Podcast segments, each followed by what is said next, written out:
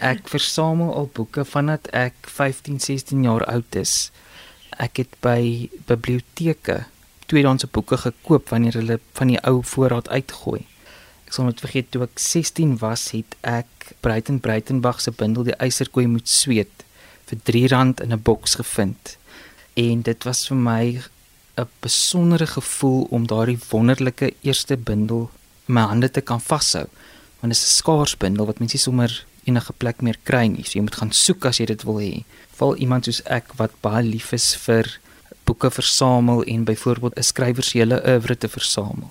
Maar nou hier op die tafel, ek het nou net vir jou gesê hier lê Breiten Breitenberg se digbundel voetskrif. Hierdie bundel was 'n geskenk gewees van wyle Dr. Gisela Uljat. Sy's ook 'n digter wat 'n uh, bundel gepubliseer het en sy het dit vir my gekoop tydens 'n boekbekendstelling en die rede waarom hierdie vir my baie spesiaal is is omdat Breiten Breitenberg vir my voorin 'n boodskap gestuur het en dit was my verjaarsdag geskenk.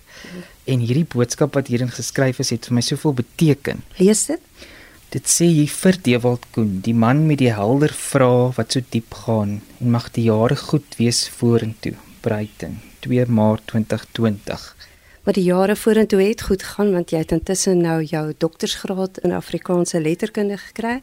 Ons praat met Dr. Dewald Koen van Nelson Mandela Universiteit, Afrikaanse lektor en hy sê asseblief moenie julle ou Afrikaanse boeke weggooi of laat verdwyn nie. Daar's mense wat dit versamel en ons staan hier in 'n baie groot versameling.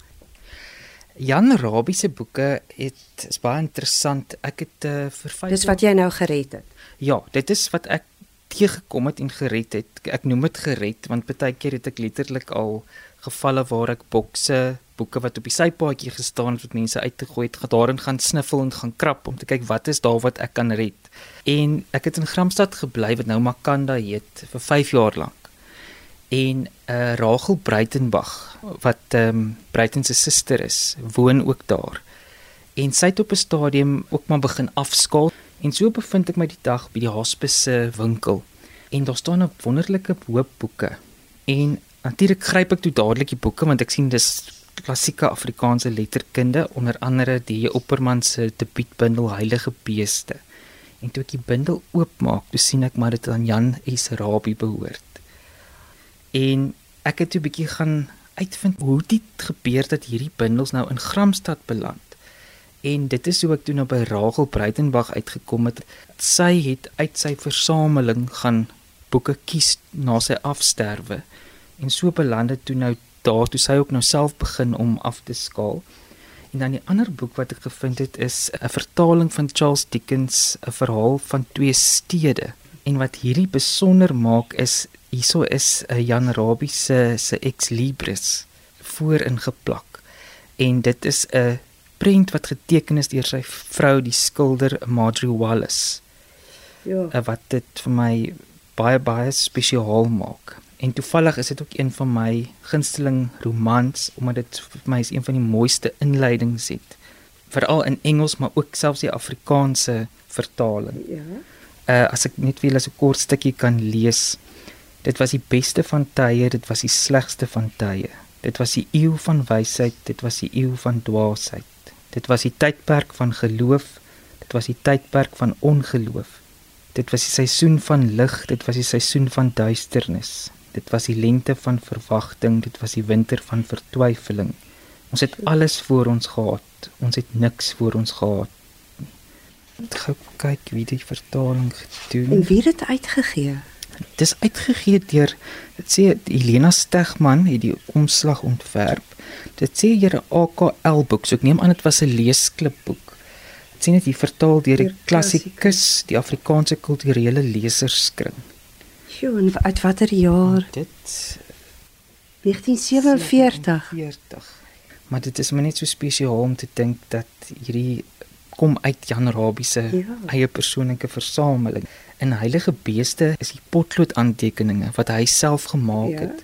Hy het byvoorbeeld bo die gedigte wat ek aanneem vir hom geslaagd was, het hy regmerkies gemaak. Hierso het hy die gedig se titel is Ego en Narcissus en hy het hier in potlood geskryf DJ wat natuurlik verwys na die Opperman self met 'n vraagteken. Maar iets wat ek ook opgespoor het nou onlangs is ehm um, die digter Lina Spies. En dit het ek aanlyn opgespoor. Dit is ook Breiten Breitenbach bundels. En dit is uit haar eie persoonlike versameling. Die een bundel is 'n Nederlandse vertaling van Breiten Breitenbach se Lady One 99 liefdesgedigte. En sy het hierdie bundel in Amsterdam gekoop wat sy voorin haar naam en van geskryf het op die 9de Februarie 2001. En die rede waarom dit vir my so besonder is is omdat ek weet hoe groot liefde Lina Spies het vir Nederlands en spesifiek vir Amsterdam. En die ander bundel is Breiten Breitenbach se Die huis van die dowe. Nou interessant Oeh, genoeg, Lina Spies was die eerste vroulike dosent aan die destydse Universiteit van Port Elizabeth in die burger het altyd hierdie gedeelte wat verwys na vorige ou uitgawes. En ek het eendag toevallig die foto gesien en dit is getiteld met juffrou Carolina Petronella Spies, die eerste vroulike dosent aan die IPE. En hierdie bundel is gestaan hier Lina Spies, die Universiteit Port Elizabeth 1967. Dan lyk dit vir my die literatuur dra 'n belangrike deel van die geskiedenis uit. Definitief as 'n mens gaan kyk na byvoorbeeld wat 'n instansie soos Nallen doen, die Nasionale Afrikaanse Letterkundige Navorsingsmuseum in Bloemfontein. Die feit dat hulle Afrikaanse tekste bewaar, is baie belangrik vir ons literatuurgeskiedenis en hulle bewaar basies alle Afrikaanse letterkunde. Dit is 'n tipe museum, so daar's uitstallings, hulle het byvoorbeeld 'n kamer met 'n stoel van NP van Wyk Lou waar ek gesit met 'n plank waarop ek gesit en skryf het baie interessante dokumente.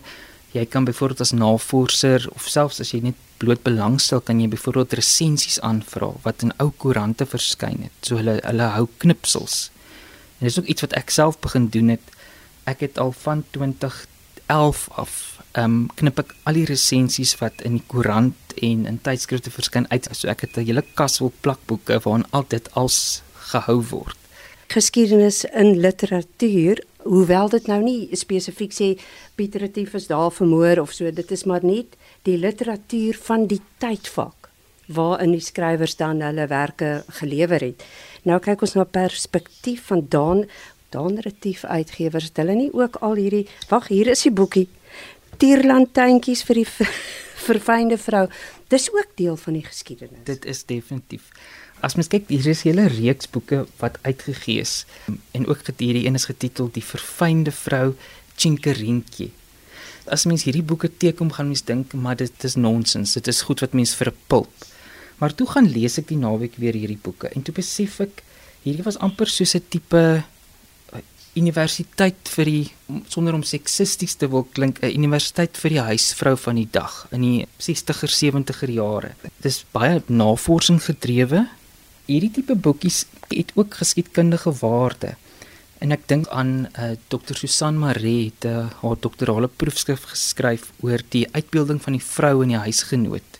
En toe dink ek nou wat 'n interessante studie kan 'n student doen, dink vir 'n proefskrif spesifiek om byvoorbeeld hierdie boeke te vat en te gaan navorsing doen oor wat was die onderwerpe wat mense in die 60er en 70er jare oor geskryf het spesifiek vir die Afrikaanssprekende vrou.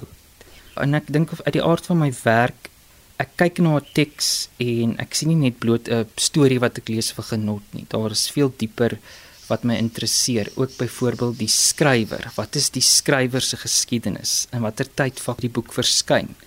As jy byvoorbeeld dink aan kennis van die aand van Andre Pieu Brink die eerste Afrikaanse roman wat deur die sensuurraad verbied is en mens kyk vandag daarna en dan dink jy die feit dat daar geskryf is oor 'n verhouding tussen verskillende rasse en dat dit een van die redes was waarom die roman verbied was. En vra mens jouself af, hoekom is dit die geval gewees? En dan moet jy dit in die historiese konteks beskou. Maar terselfdertyd wil jy nou hê um, mense moet asseblief nie hulle ou boeke net vir Afrikaanse boeke voor die voet weggooi nie. Daar's versamelaars wat dit soek. Definitief. As jy boeke het en jy het nie meer plek, moenie dit net in swart sakke gooi en op die sypaadjie los nie. Vind uit is daar iemand wat dalk daarin belangstel. Meeste ouete huise het biblioteke, skole. Ja, weer eens, mens kan nie ou wêreldspektrum byvoorbeeld vir 'n skool gaan skenk bloot omdat die inligting daarin verouderd is nie.